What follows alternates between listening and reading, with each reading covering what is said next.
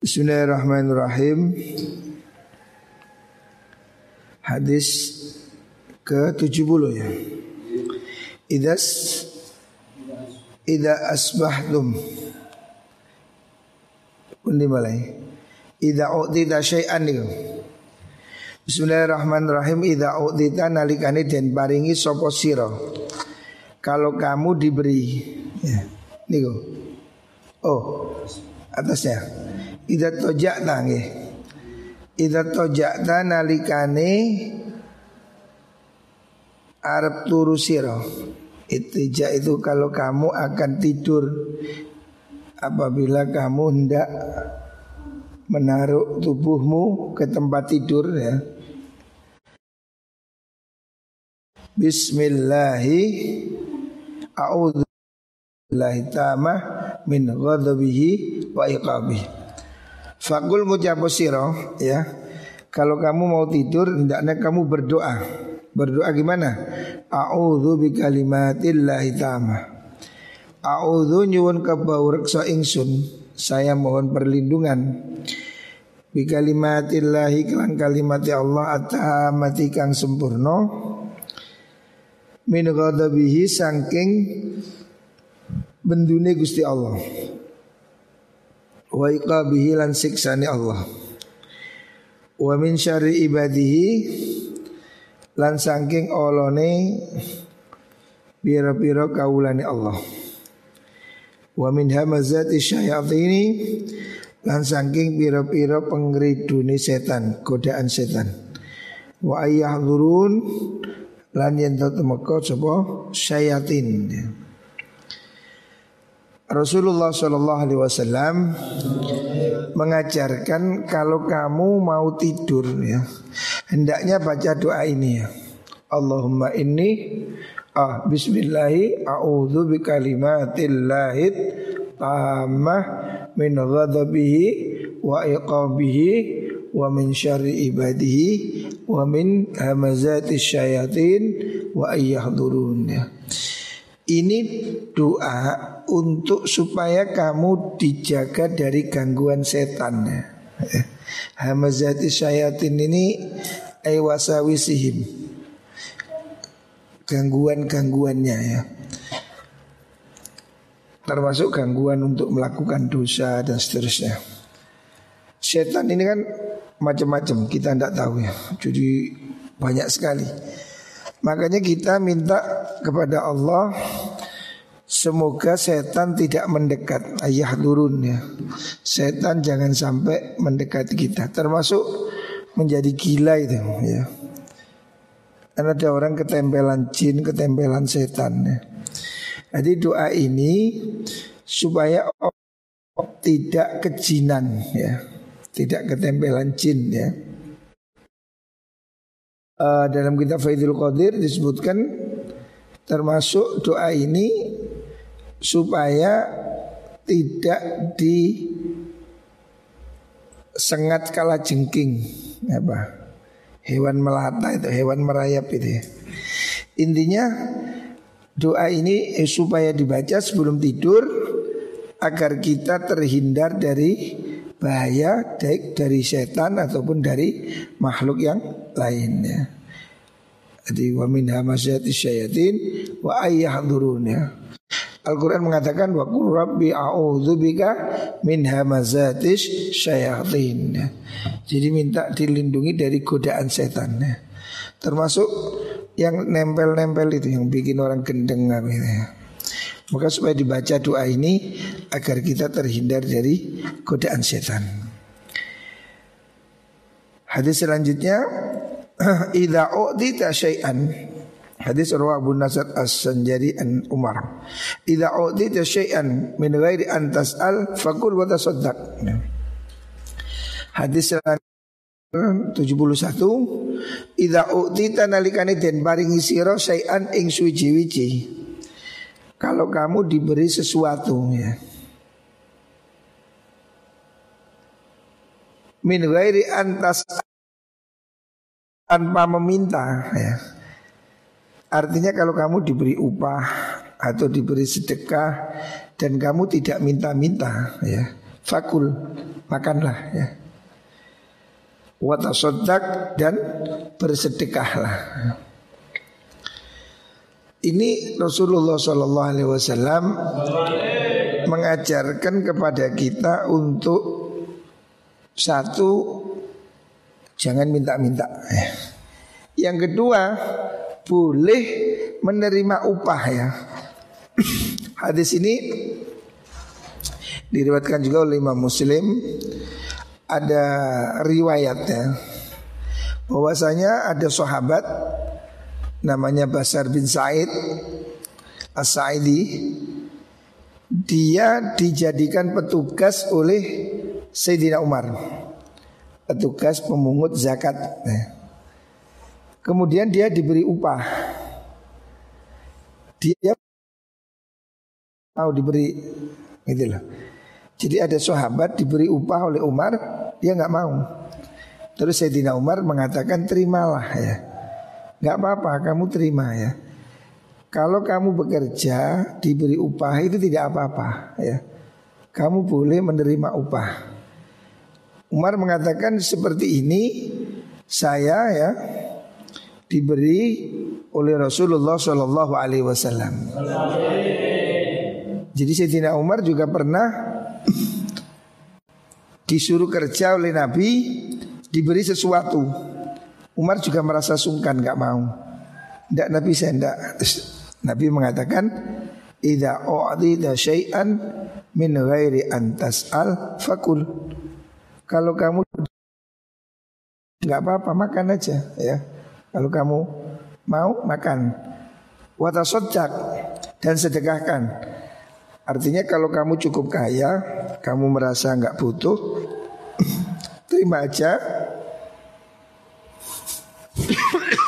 Kamu terima, tapi bisa jadi ish Bisa kamu terima dan kamu sedekahkan pada orang lain.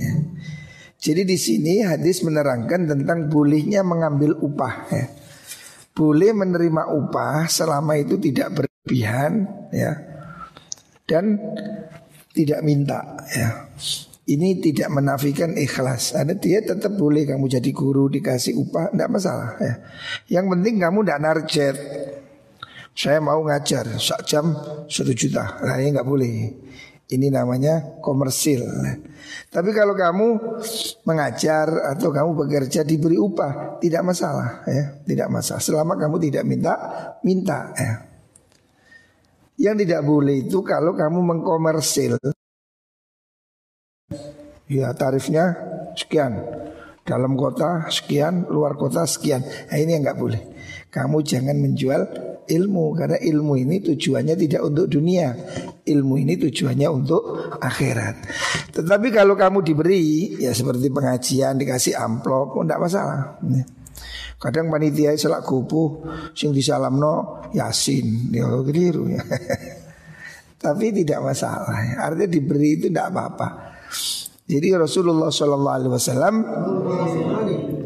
mengajarkan boleh ya, boleh kamu nerima upah selama itu tidak berlebihan ya. Jangan sampai pekerjaannya remeh, gajinya terlalu besar. Itu mungkin keliru amplop hmm, keliru atau ada. Saya pernah pengajian terus kayak amplop bisa terima ya. Menini kori teko. Gus anu amplope kelintu. Wah, yus mboten napa Ayo amplope korek 200 amplope mu balik sak juta mana Wae balik keliru tiga no korek. Nah, aku ya gak mikir saat terima. Mana ini korek teko. Gus niki amplope kelintu. Ambotan pun sampean pendet. Nah, ya rezeki. Jadi kalau diberi tanpa minta itu tidak apa-apa ya. Ini hadis ini diriwayatkan Sayyidina Umar dan Sayyidina Umar pernah melakukan hal yang serupa. Jadi Sayyidina Umar pernah disuruh jadi pegawai oleh Nabi untuk satu kerja terus diberi. Dan Sayyidina Umar tidak mau. Nabi mengatakan begini terima aja. Kalau kamu mau makan. Kalau kamu nggak butuh berikan orang. Itulah ya. Tapi jangan berlebihan. Ida aftar wahadukum Ida aftara nalikane mokel maksudnya berbuka sapa hadukum salah suci sira kabeh fal yuftir mongko pecik mokel maksudnya hendaknya dia makan berbuka ala tamrin ing atasi kurma ya. Jadi yang bagus kita hari ini kan sudah puasa ya Alhamdulillah Yang bagus kalau kamu puasa itu bukannya kurma ya. Ini makanan favorit ya di Arab ya. Sebaiknya kamu buka pakai kurma. Kalau ada, kalau nggak ada, jombo. Ya Fa innahu barakatun. Ulama ada yang menafsiri kalau tidak ada kurma ya boleh sesuatu yang tapi kurma ini tidak harus. Tapi kurma ini bagus ya. Memang buah yang paling populer di Arab itu kurma. Tetapi kalau kita di Indonesia ya kan nggak ada kurma. Ya makanya terus kemudian ditafsiri sesuatu yang manis. Akhirnya diambil oleh teh botol sosro berbukalah dengan teh botol. Itu kan tafsirnya teh botol sosro. Yang asli Nabi itu menyarankan supaya buka dengan yang manis. Karena apa? Orang ini kalau makan manis itu kalorinya tinggi, jadi segera pulih. Jadi segera sehat. Orang puasa ini kan lemes. Kalau minum yang manis atau kurma itu contoh, kalau enggak ya teh manis atau ya apa buah yang manis itu akan mengembalikan energi ya supaya enggak lemes. Makanya dianjurkan kurma. Ada sahabat yang menafsiri lagi maksudnya yang manis ini supaya kita merasakan manisnya iman. Ya. Ini kan baik. Ya. Seperti itulah maksiat. Setelah itu kita kasih yang manis. Manis itu adalah simbol dari iman. Kalau tidak ada kurma boleh aja pakai yang lain ya. Tapi di sini fa'ilam yajid kalau tidak ada orang nemu sopuahat tamaron ing kurmo kalau memang nggak ada kurma di Indonesia ini fal yuftir mongko becik mau kelo sopo wong hendaknya dia makan alal ma'i minum air ya. Kalau nggak ada ya minum air ya. Lekan duwe. Le orang kolak ya kolak, orang teh ya teh sih nggak ada ya. Boleh aja pakai air. Fa innahu sudni ma iku tahurun kang suci nuci akan ya. Jadi kalau ada kurma karena kurma itu barokah. Ya. Jadi ada riwayat dalam kurma itu terdapat berkah memang. Jadi ini yang dicontohkan oleh Rasulullah Shallallahu Alaihi Wasallam. Tetapi kalau tidak ada, ya yang lain. Kalau tidak ada, ya air, air. Orang minum air sebenarnya sudah cukup ya. Air ini minuman paling sehat itu air. Ya. Air murni. Rawal Imam Ahmad. Manis ini ya tidak terlalu bagus ya. Kalau kamu apalagi kalau orang gemuk seperti saya ini manis sudah harus dikurangi ya. Tapi kalau kamu lemas memang obat yang terbaik itu ya gula itu. Jadi gula atau manis itu meningkatkan kalorinya. Rawal Imam Ahmad. Idza qalla ar-rajul at-ta'ama muli ajawfuhu nuran. Iza aqalla nalikane ngidiaken kalau orang itu mempersedikit atuk ma rajul wong lanang atuk ma ing panganan. Kalau orang itu makannya sedikit, rajul ini bisa ya laki-laki bisa perempuan ya. Pokoknya siapa orang makannya tidak banyak ya. Buko sahur itu kurang ngono. Pokoknya rek wetok-wetok itu juga tambah bunder. Makan ini kurangi ya. Manis-manis nasi kurangi ya. Mulia Siapa orang makan dikurangi Mulia mokoden kebai Opo jaufuhu Jeruni wong. Batinnya maksudnya hatinya. Siapa orang yang Makannya berkurang Maka jiwanya akan dipenuhi Nuron ing cahaya ya. Siapa orang Puasa atau tidak puasa ya. Tetapi dalam artian mengurangi makan ya, ya salah satu yang efektif puasa ya. Makanya kemarin Imam Ghazali mengatakan kalau puasa jangan dikodok bukanya itu loh. Jangan bukanya itu dua porsi, makan siang ditambah makan malam. Nah, jangan di double. Hendaknya memang puasa ini salah satu sistem untuk mengurangi makan. Siapa orang makannya dikurangi maka hatinya akan semakin bercahaya. Maksudnya bercahaya ini batinnya ini ya menjadi jiwanya lebih bersih ya, akalnya lebih cerdas itu loh. Banyak sekali anjuran dari ulama tentang untuk nasihat mengurangi makanan ya. Mengurangi makan ini banyak sekali nasihat.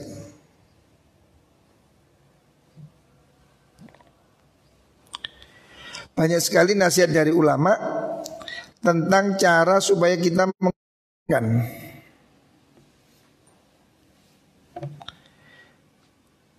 Di antaranya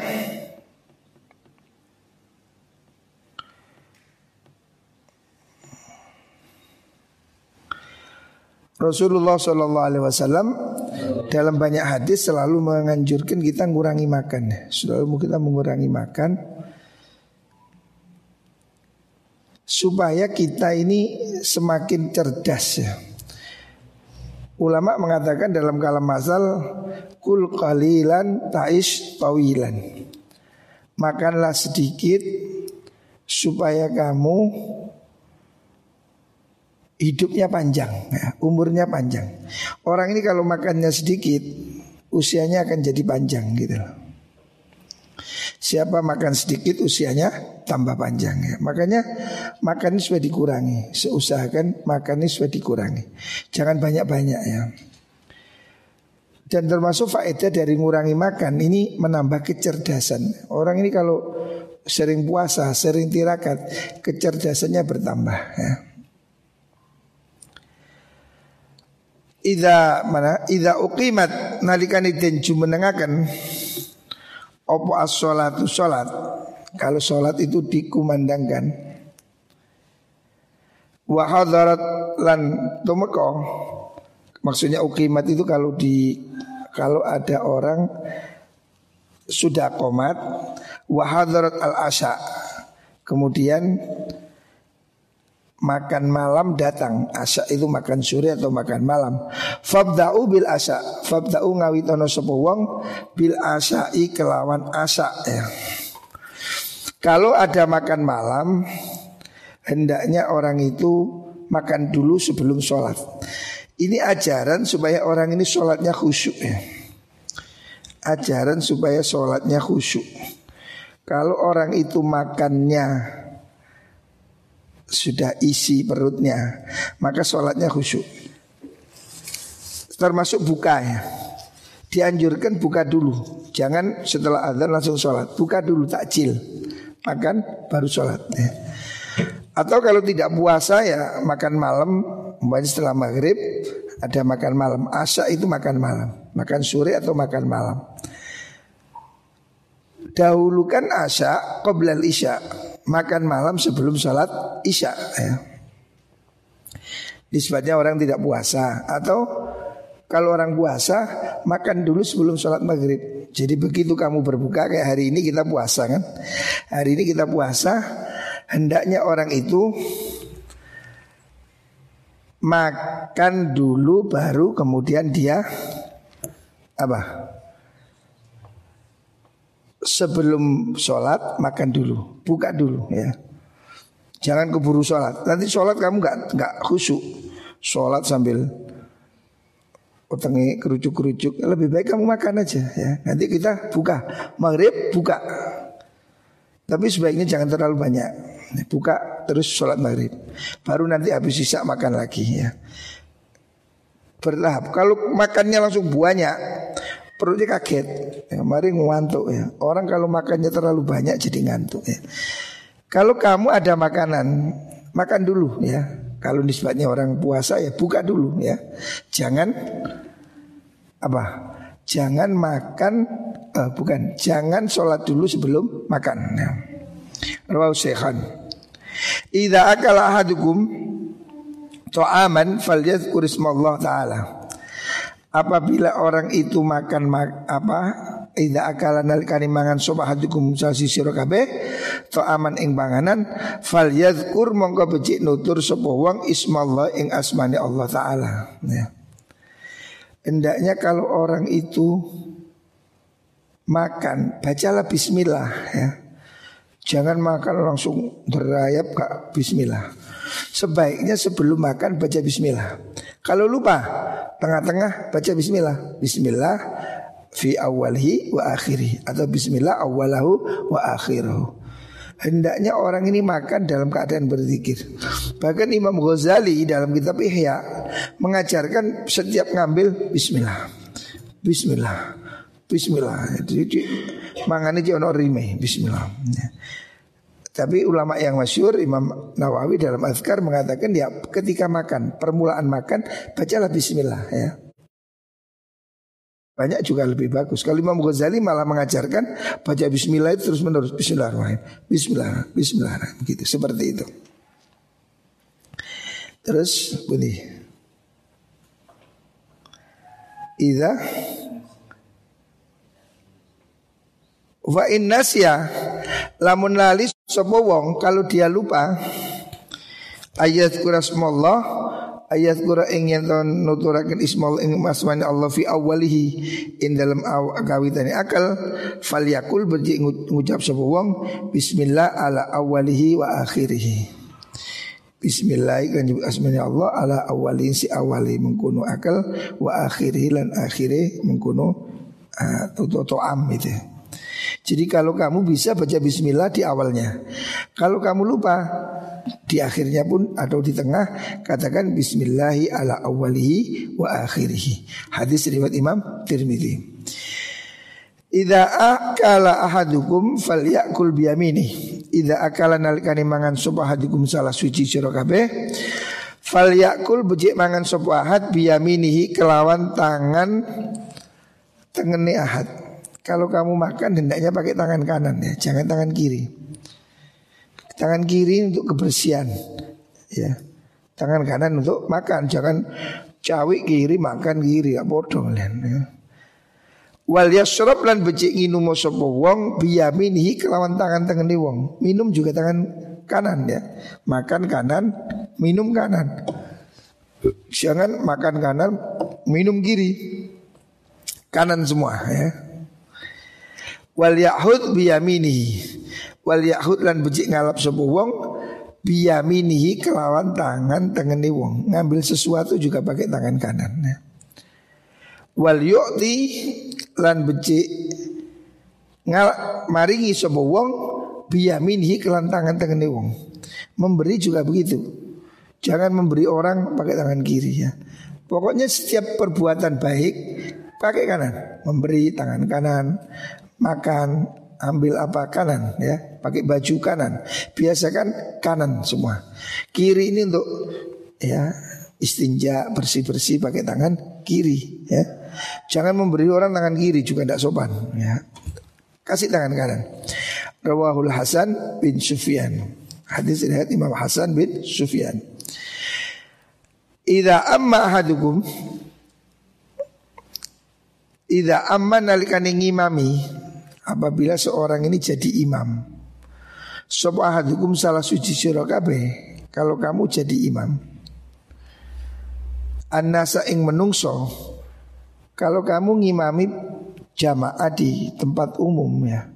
Fal yuhaffif mongko becik ngentengaken sapa wong. Ya. Kalau kamu ngimami jamaah di tempat umum ya, hendaknya Jangan panjang-panjang ya.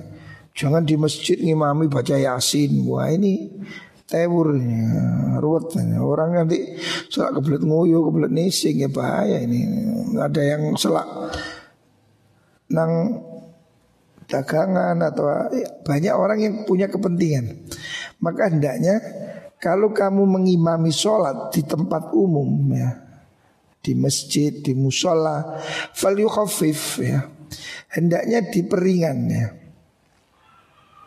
Artinya jangan terlalu panjang. Ya bacalah yang sedang ya jangan kulhu ke kecendean. Ya bisa jadi apa yang agak panjang lah Alhaqumut sur apa-apa.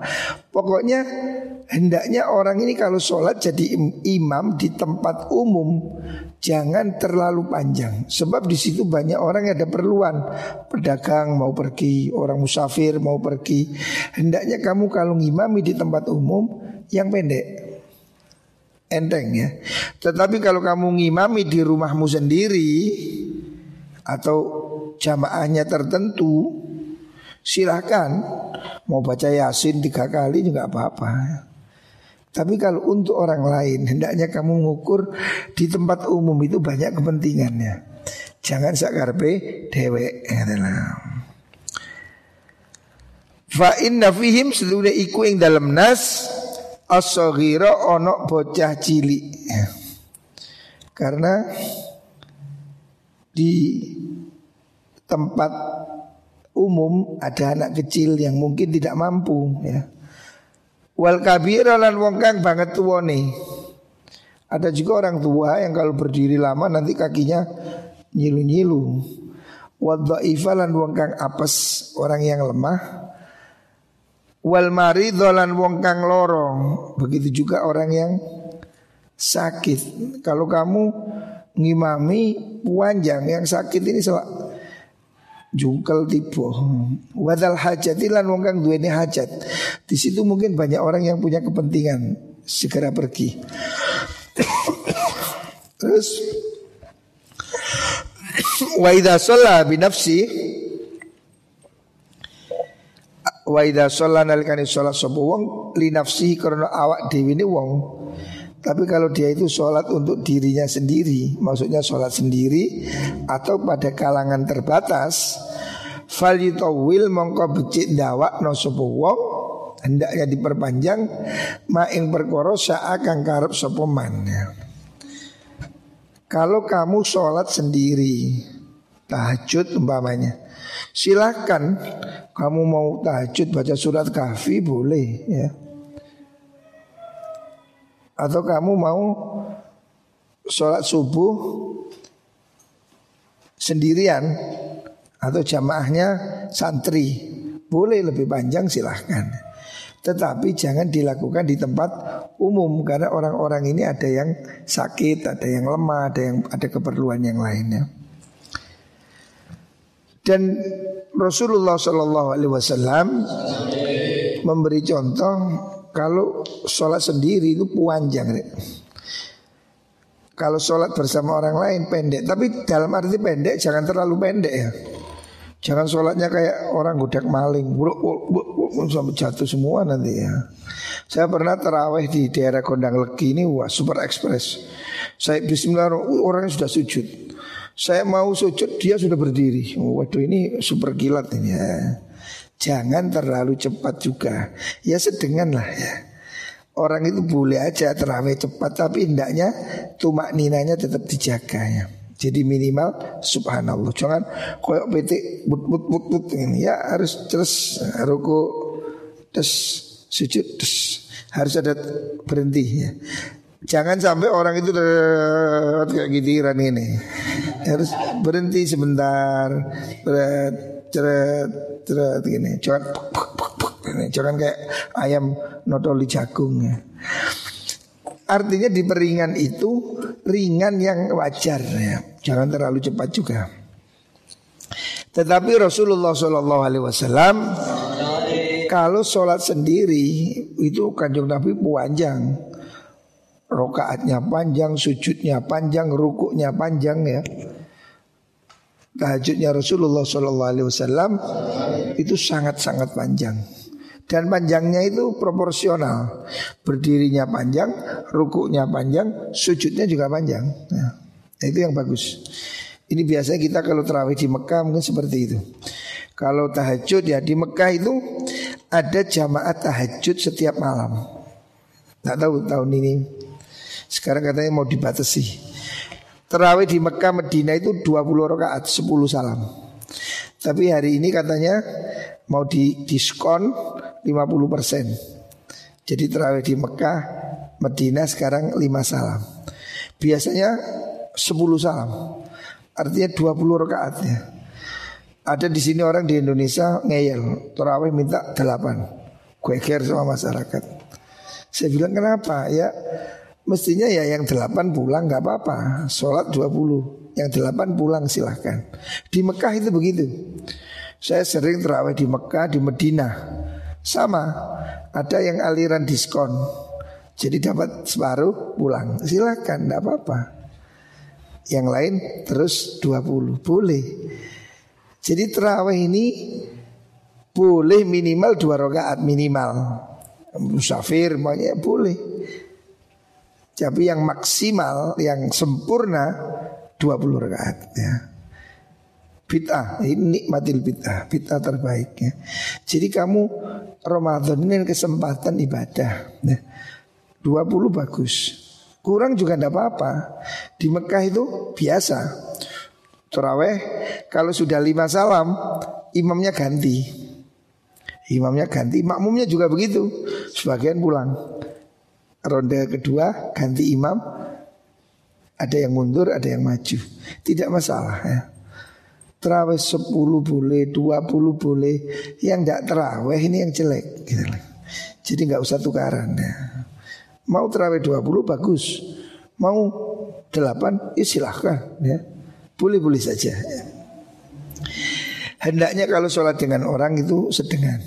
Tapi kalau tahajud di Masjidil Haram Saya biasanya kalau tanggal 21 ke atas itu Di Mekah ini ada terawih jamaah Tahajud jamaah. Ini bid'ah kape ya. Kalau anti bid'ah ya bid'ah Tapi tidak apa-apa hasanah. Ya. Di Masjidil Haram itu biasanya terawihnya jam 8 sampai jam 10 2 jam. 20 rakaat. Terus tahajudnya Tahajudnya ini yang panjang 8 rakaat. Ditambah witir 3 2 jam juga. Jadi sholatnya itu seperempat jam. Satu rakaat. Berdiri, ruku, sujud. Sujudnya tak hitung Ping selikur lebih. Kayak ngantuk bisa keturun. Lama, sujudnya lama. Bangun lama, lama. Ya, proporsional. Seperti itulah sholatnya Rasulullah Sallallahu Alaihi Wasallam ya. Jadi sujudnya panjang, rukuknya panjang. Bahkan kadang saya ini nggak mampu. Dapat berapa rakaat saya sholat duduk. Tidak apa-apa. Sholat sunnah duduk itu boleh. Seperti hari ini saya Di malam juga duduk karena kaki saya sakit. Ya tidak apa-apa. Sholat sunnah itu walaupun mampu berdiri Boleh dilakukan dengan duduk. Kalau sholat fardu tidak boleh. Kalau sholat sunnah boleh. Rasulullah Sallallahu Alaihi Wasallam juga sholat di atas kendaraan tidak masalah ya. Sholat sunnah ya. Ida anfaqat nih. Ida anfaqat nalikanik aweh nafaqah. Maksudnya membelanjakan siapa almaratu seorang perempuan istri maksudnya minto ami baitiha saking panganane omai imro'ah.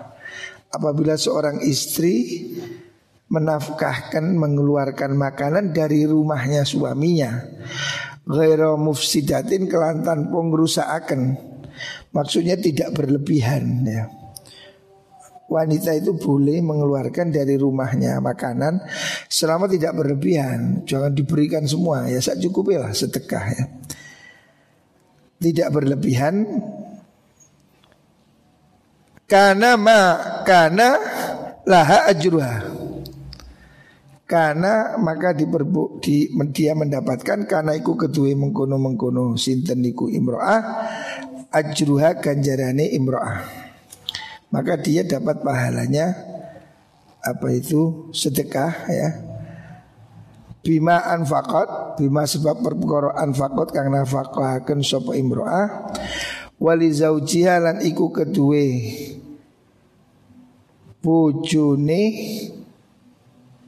imro'ah ajruhu utai ganjarane ma anfaqat bima sebab perkara kasabah nyambut gawe sapa zaud jadi apabila wanita istri bersedekah dari rumahnya ya kan itu hartanya suami. Kalau dia itu baik-baik tidak berlebihan, dia dapat pahala, suaminya juga dapat pahala karena suaminya yang mencari. Walil khazini mislu dzalik. Walil khazini dan bagi orang yang menjaga harta mislu dzalik seperti itu juga. Maksud padane pahalanya sama dapat pahala. Layang kusu orang kurang apa ba'dhum sebagian yang mengkono mar'ah zaud dan khosin orang orang min ajri ba'din saking ganjaran sebagian kang liya syai'an ing suji-wiji. Jadi suami istri bisa dapat pahala semua ya. Selama tidak berlebihan ya. Artinya istri di rumah suami itu harus bisa harus bisa mengendalikan dirinya ya. Istri ini kan ratu rumah tangga diberi apa wewenang oleh suami untuk mengatur ekonomi di dalam rumah ya. Dia boleh ya mengeluarkan sedekah atau membelanjakan harta secara proporsional, tidak berlebihan. Jangan setiap hari sate terus ya bangkrut nih. Mana ada wete-wete ya seneng-seneng masak. Ya delok kapasitas suamimu. Wong bojone penggaweane macul sing wedok masake gule bendina ya pedot gegere bojone. Ya wanita ini harus tahu Maksudnya perempuan ini harus tahu berapa kapasitasnya. Jangan ojo tonggo nih, tonggo nih tuku PT, ini PT, tonggo nih sapi, daging sapi. Oh ya ya delok ensik bojomu iki apa? Ada tonggone direktur BRI ini ya Ayo total sual kan. Artinya ya jangan melihat tetangga Lihat kemampuan dirimu sendiri Kalau suamimu ini Yang kayak ini nyupir ya Berapa yang bisa dilakukan ya Istri harus bisa menjaga amanah suami ya Makanya saya itu kepingin di pondok ini semua itu belajarlah makan sederhana. Orang itu boros itu dari makannya. Kalau orang suka makan enak itu menjadi tipe, menjadi kebiasaan. Ya seperti itu terus. Akhirnya duitnya habis dimakan. Jadi pengiritan setiap hari itu dari makan. Ya. Saya banyak melihat orang ini walaupun kerjanya biasa tapi berasnya itu harus mentari. Saya melihat di toko saya lihat orang ini padahal ya ekonominya biasa tapi makannya selalu minta kualitas nomor satu berasnya harus mentari apanya. Terus lauknya ini. Hendaknya dia sadar ya. Makanan ini jangan jadi jangan jadi pokok ya. Hendaknya dia itu bisa menyisihkan tabungan, pendidikan ya. Jangan semua dimakan ya. Ini yang membuat banyak orang Jawa ini Orang pribumi kita tidak suki-suki. Karena makan nang warung rokok eh Cisamsu nah, Ini yang membuat dia nggak bisa kaya ini Dulu di pondok ini saya masih ingat eh, Saya kasih contoh Di pondok kita di Andur ini ada Orang tua Mondok mulai zaman Jepang Ini santri pertama Orang Kediri mondok di sini Mulai zaman Jepang Zaman kakek saya mondok di Anur menikah sampai punya anak eh sampai mati. Jadi punya rumah istrinya di Sukonolo. Jadi dia di sini seminggu sekali pulang gitu. Orangnya rajin kerja, setiap hari pagi macul. Ini tentara tani bawa pacul. Setiap pagi dia pergi ke sawah. Luhur pulang, orang tertib jamaah. Jam 11 pulang jamaah zuhur. Habis jamaah berangkat lagi macul. Asar pulang. Oh, kerja full sampai tua. Tapi hidupnya pas-pasan. Nah suatu saat lewat depan rumah saya Kalau sore kan pulang dari sawah. Ayah saya bilang Bahri kata namanya Bahri Itu kayak susu oke Lalu nyebut kayak ini macul mangani nang warung. Dia itu mestinya kan bisa hemat masak sendiri Kan bisa hemat. Tapi karena dia itu senengan nang warung, jadi om macul tapi bendino nang warung, sore mari-mari nang warung, habis ya kerja seumur hidup sampai tua macul, nasibnya tidak berubah. Makanya kamu harus melatih makan itu seadanya, jangan biasa makan enak. Nek. Makan enak baik enak podo Jadi apa? Jadi tahu dibaca kasroh. Nah, Jangan biasa suka makan enak. Akibatnya itu mencuri itu yang saya tidak suka. Dulu ada supir saya itu contoh ya begitu. Setiap hari makannya dekus, dekas, dekus. Akhirnya saya nyolong. Nah itu itu yang jelek sekali. Karena sudah kadung biasa makan enak. Akhirnya nyolong. Nah itu efek yang jelek sekali. Atau kalau nggak nyolong, utang ya. Makanya belajarlah hidup sederhana. Makan saono ya. Rawal Syekhani Riat Imam Bukhari Muslim Idza aba ahadukum Idza aba nalikane Angop Angop bahasa Indonesia apa? Menguap Sopa ahadukum salah suci siro kabeh Kalau kamu menguap Fal yadok mongko becik nyelehno sopa wong Yadahu ing tangani wong ala fihi ingatasi tutu ewong mulutnya. Jadi kalau kamu nguap, wah jangan terus mangap kayak kudanil. Wah, apalagi ada di depan orang, wah, aduh, kalau kata muntah lapangan. Kalau kamu menguap tutup, gini loh. Ajaran Nabi menguap ditutup, bersin juga ditutup. Hari ini virus corona ini mengajarkan kita pada sunnah Rasulullah Wasallam. Nabi mengajarkan cuci tangan. Nabi mengajarkan nutup kalau bersin. Ya ini hari ini corona mengajarkan kita ini. Padahal 14 abad yang lalu Nabi sudah mulangi ini. Sekarang Depkes WHO ngajari cuci tangan ajaran 14 abad lalu baru diketahui sekarang ya. Nabi sudah kasih contoh. Kalau kamu bersin, kalau mau menguap, tutupan itu loh. Wala ojo nyuworo. Jangan bersuara. Jangan dilos. Jangan menguap wah pada wis muangap gak ditutup suara nih mengaum. Fa inna syaitana sutini syaitan Iku yadhaku Iku yadhaku Guyu sopo setan minhu sangking mengguno Tasa'ub niku Setan akan tertawa kalau kamu mau anggap wah setan guyu dulu dulu dulu. Lah ini adab ya. Hendaknya orang ini berusaha mengikuti Rasulullah Shallallahu Alaihi Wasallam ya. dalam sehari-hari termasuk dalam makanan ya. Rasulullah itu tidak pernah makan enak-enak. Bahkan diriwayatkan Sayyidah Aisyah, rumah tangga Rasul itu tidak setiap hari nyalakan api. Tidak setiap hari.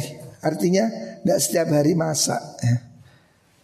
Istri Nabi itu sabar. Coba sekarang kamu nggak masak, minggat bujumu. Ya.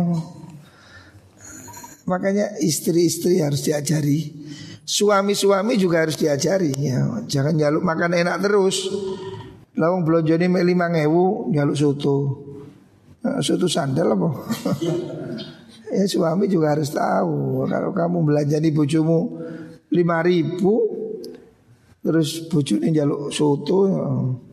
Susu ya andu e kudu juga soto Suami hendaknya juga tahu Istri ya belajarlah untuk hemat. Nah kalau suaminya minta makannya enak Ya Ya diatur lah, diomong lah. Piye? Bagaimana supaya bisa nyelengi? Sebaiknya ya Orang itu bisa menghemat 35% ya, Dari semua yang didapat Ini cara kalau kamu ingin hidup kaya ya. Kalau kamu kepingin hidup berkecukupan. Kalau kamu ingin hidup ekonomimu cukup ya. Hendaknya kamu ini sisihkan 30% dari apa yang kamu punya setiap hari ya. Boy. Hendaknya kamu sisihkan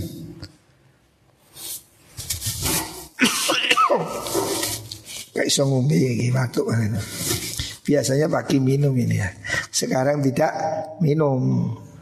Mengono sing nyetel keliru video sing wingi ngombe. Dikira sing video saiki gak ngombe. Hari ini ya poso rek. Nanti ngombe sanitizer. Makanya ya untuk batu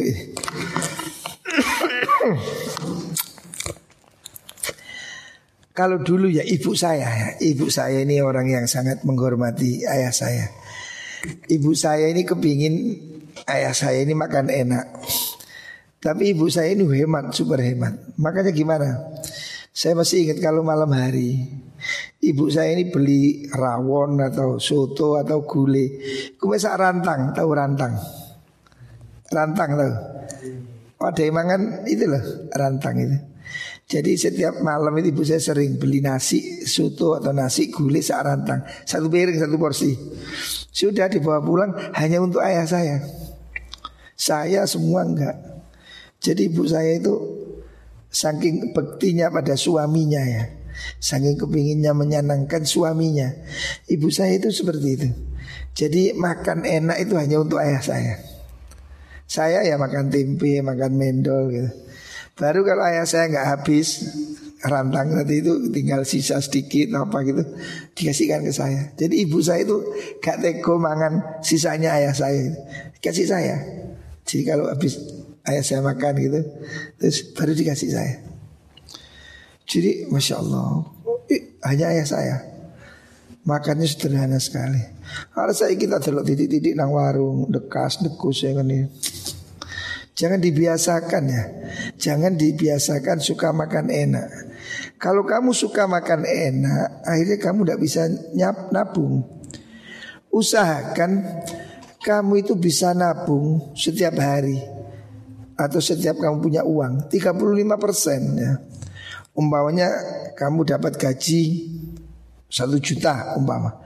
Kamu hanya boleh belanja 650. 350 harus kamu sisihkan. Atau kamu di pondok dikasih uang saku 10 ribu umpamanya. Kamu hanya boleh pakai 6.500 3.500 sisihkan. Ini kalau kamu ingin tua jadi kaya.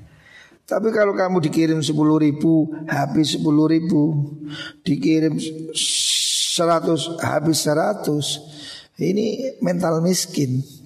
Orang miskin itu kenapa tidak bisa kaya? Bukan karena nggak bisa tapi salah satunya karena mentalnya mental miskin. Orang itu kalau mental miskin, uangnya dihabiskan terus. Ya. Punya uang 10 ribu beli soto. Punya uang 50 ribu pizza hut. Punya uang 100 ribu KFC.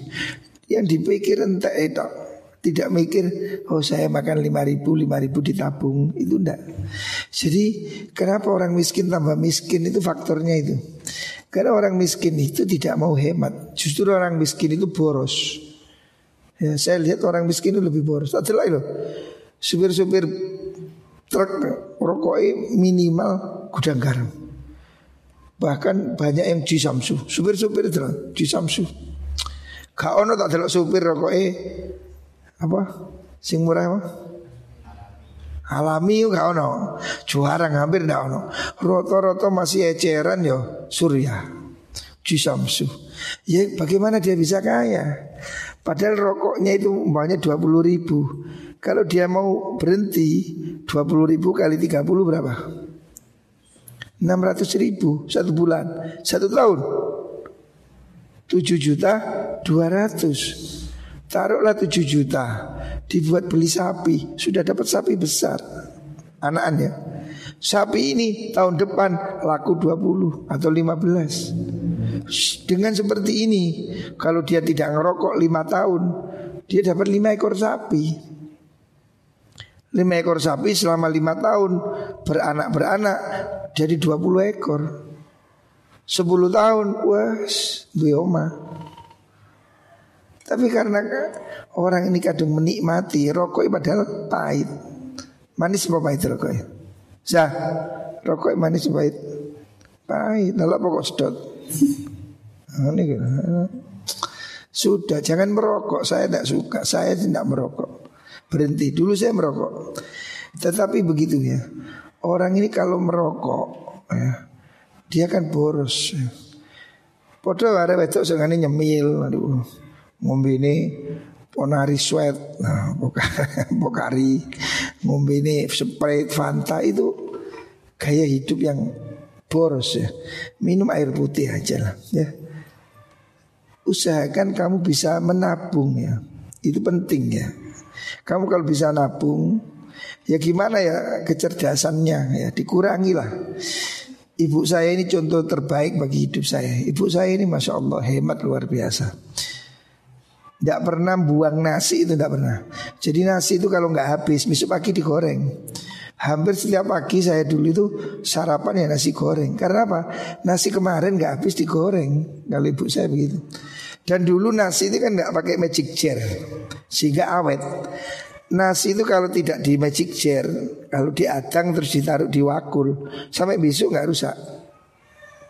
Tapi kalau taruh di magic jar, magic com, Semalam kuning. Kuning kayak tape ngono. Ya kan dipanasi terus. Dan itu tidak bagus. Nasi yang dipanaskan lebih dari 6 jam itu tidak bagus. Ya Jelek. Makanya lebih baik nasi itu ya Jangan di magic jar. Ya matang taruh di wakul itu. Itu lebih sehat. Ibu saya itu begitu. Jadi setiap hari itu dulu saya kalau pagi itu ya rutin nasi goreng rutin. Karena ibu saya meng mengharamkan dirinya membuat nasi itu nggak boleh. Kalau nggak begitu malam hari nasinya di tanah lagi terus diteplok, dimplok-emplok, dikasih ya, puli apa namanya apa jenis? Saya dikai kerupuk lah. Embu apa jenis itu? Obatnya itu loh. Ah, terus didek dek dek dek dideplok, didang, diiris-iris jadi kerupuk itu, kerupuk nasi. Seperti itu, Rek. Saya lihat hari ini sedih saya itu lihat dapur mesti ada nasi dibuang. Maka saya pasti kalau ke dapur ada nasi dibuang saya marah. Karena ibu saya dulu mengajari tidak boleh itu. Nasi tidak boleh dibuang ya. Jangan Ada saya kita delok isu jangan A. Sore sekarang ganti jangan B. Isu dibuat. Itu wah sesuatu yang menurut saya sangat buruk ya. Jelek sekali. Kamu harus harus biasakan makan yang ada itulah ya. Biasakan makan seadanya. Bahkan kalau ibu saya itu dulu itu istilahnya jangan blendrang ya. Blendrang maksudnya kuah kemarin sampai besok diinget terus sampai tadi blendrang, terus blendrang. Mesti ngelonyot ya, jangan sih ngelonyot ini. Sampai tadi blendrang. Bahkan istilah ibu saya itu jangan podomoro, jangan wingi, jangan saiki dicampur. Wis gak karu-karuan jenenge jangan podomoro. Masya Allah, hemat sekali ibu saya. Hari ini saya lihat anak pondok kemuinyi. Isuk jangan iki, sore jangan iku. Jangan isuk ke arab sore. Pokoknya jangan wingi, mesti dibuat Itu jelek saya ingatkan. Itu jelek, kebiasaan buruk itu. Ya lek kon besok suki, lek gak suki Nangis kamu nanti ya. Jadi jangan biasakan buang makanan. Saya enggak, saya sudah berkali-kali saya ke dapur saya bilang saya tidak rela makanan dibuang. Kalau kamu nggak mau makan ya diberikan orang ya. Jangan dibuang ya. Dan istri saya dulu almarhumah itu juga begitu. Kadang jangan sing wingi ngono gante dicuci lagi dibumboni mana ya nggak masalah. Kenapa? Pung masih bagus. Jangan tempe mau kan masih enak. Diambil digoreng atau pokoknya satu kunci ya kalau kamu mau jadi kaya hemat hemat yang pertama di makanan kalau kamu suka ke warung suka makan enak sudah kerja apa pun nggak bisa kaya kamu. Ya. Jadi kamu belum waktunya senang-senangnya. Dan sebaiknya jangan suka senang, senang. Ditabung lah ya. Kepentingan kita ini masih banyak ya. Eh, semoga kita ini diberi rizki yang berkah Ramadan ini semoga kita semua diberi kesehatan oleh Allah Subhanahu wa taala. Semoga kurunanya segera dihilangkan oleh Allah dan kita bisa puasa dan berlebaran dengan lebih tenang dan damai. Amin Allahumma amin.